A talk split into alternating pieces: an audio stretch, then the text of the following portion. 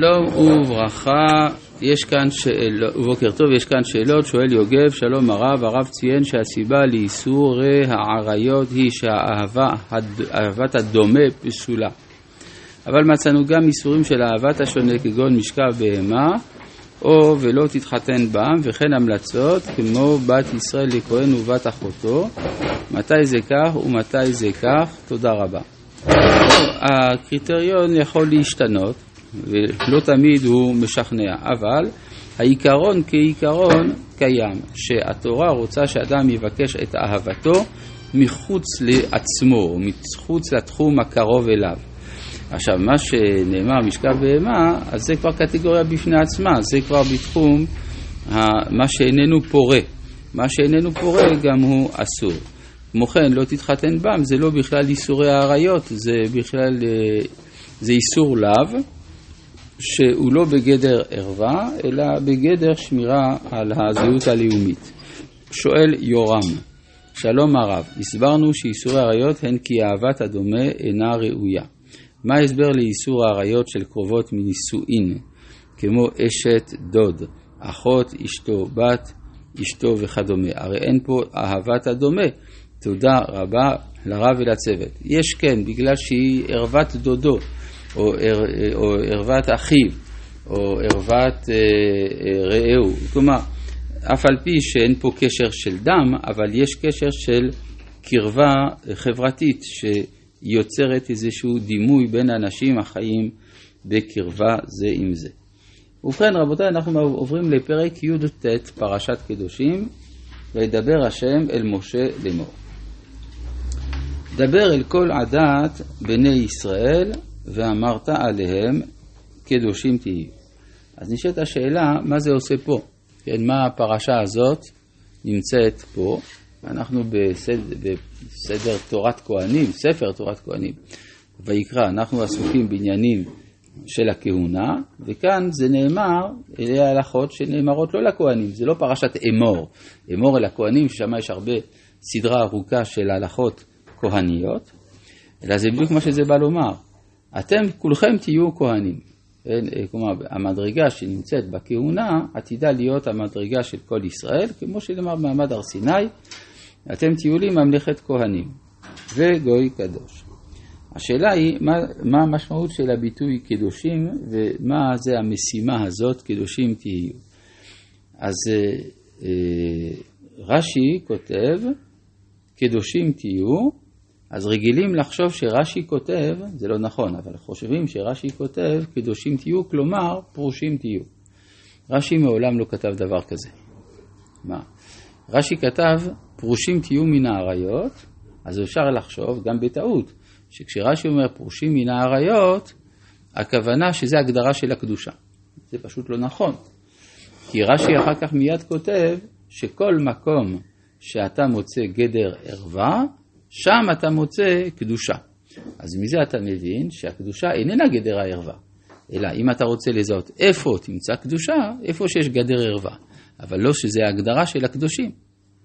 ועכשיו דבר נוסף עולה כאן השאלה, מאיפה רש"י מצא שפה מדובר על מן האריות, פרושים תהיו מן האריות. איפה זה כתוב בפסוק? הסמיכות, התשובה היא הסמיכות. כלומר, מכיוון שזה בא מיד אחרי פרשת עריות, אז דווקא מזה רש"י, חז"ל גם, לומדים שכל מקום שאתה מוצא גדר ערווה בסוף פרשת החרמות, שם אתה מוצא קדושה, תחילת פרשת קדושים.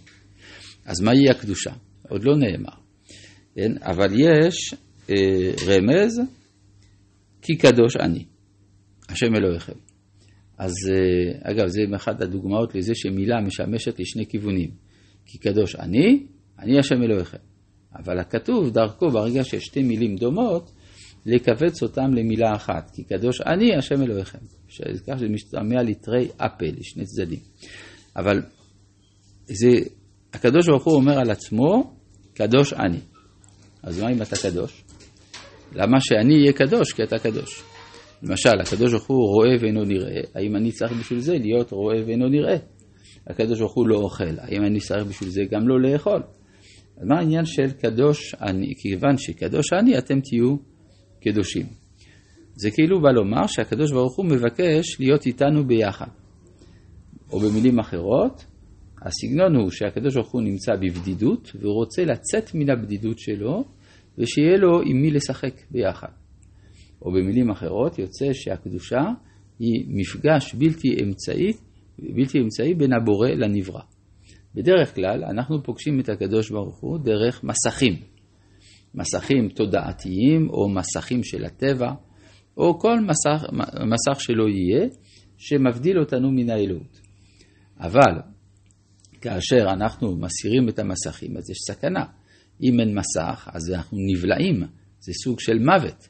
אלא שכאן, אם אתה גם כן קדוש, אז אתה יכול לעמוד פנים אל פנים עם האלוהות, ובכל זאת להמשיך להתקיים, שזה המשמעות של מצב הקדושה. מצאנו כבר בספר שמות מקום לקדושה. ועשו לי מקדש, ורש"י מבאר מה זה מקדש, בית של קדושה. כלומר, המקום שבו הפגישה בין הבורא לנברא היא אפשרית. עכשיו, איפה מצאנו את המשימה של הקדושה לראשונה בתורה? ויברך אלוהים את יום השביעי ויקדש אותו. כלומר, המשימה של היום השביעי היא להגיע אל הקדושה. מתי זה היום השביעי? זה כל ההיסטוריה כולה, לפי מה שלמדנו. ההיסטוריה בכללה היא היום השביעי של הבורא, ובתוך המשימה הזאת יש קדושים תהיו. אז כך שהקדושים תהיו איננו מצווה אחת מן המצוות בלבד, אלא משימה כוללת העולה מכללות המצוות. בזה נחלקו הרמב"ן והרמב"ם. הרמב"ן כתב שקדושים תהיו, קדש עצמך במותר לך, שלא יהיה אדם נבל ברשות התורה, כלומר לפי הרמב"ן יש מצווה ספציפית. בתוך תרי"ג מצוות, קדושים תהיו. הרמב"ם לא מסכים עם זה, הרמב"ם אומר, קדושים תהיו זה הכלל העולה מן המצוות כולן. ותמיכה לדבריו, אנחנו לפני כל מצווה מברכים, אשר קידשנו במצוותיו, וציוונו על מצווה פלונית או אלמונית. זאת אומרת שהקדושה היא תולדה של כל המצוות כולן ולא מצווה בפני עצמה. כן, ככה לפחות לדעת הרמב"ם. עכשיו, אם זה נכון מה שאומר הרמב"ם, יוצא שמה שכתוב ויקדש אותו, מתקיים בקדושים תהיו. אלא מה? אה, זה רק משימה, זה עוד לא מציאות. כן? אז אה, ישעיהו ליבוביץ' בנה על זה מגדלים שהקדושה איננה מציאות, אלא ייעוד של האדם, שהרי כתוב קדושים תהיו, לא קדושים אתם. הוא אפילו הוסיף, שלושה אמרו אותו דבר, רבי יהודה הלוי, קורח, רבי יהודה הלוי והרב קוק, שלושתם אמרו כל העדה כולם קדושים. בעוד שמשה אמר קדושים תהיו. רק שהוא לא שם לב שיש פסוק בספר דברים האומר כי עם קדוש אתה להשם אלוהיך. אתם כבר קדושים. אלא ההבדל הוא שיש הבדל בין קדושת הכלל לקדושת הפרט. האומה כבר קדושה.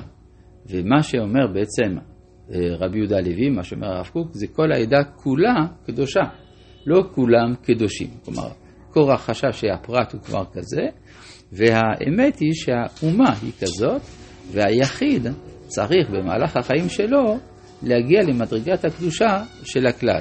קדושים תהיו, נאמר על כל פרט ופרט. כן?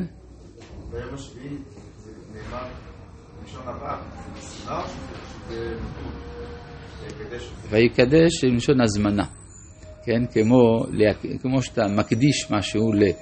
כן? הקדשה זה הזמנה. הזמנה להיפגש.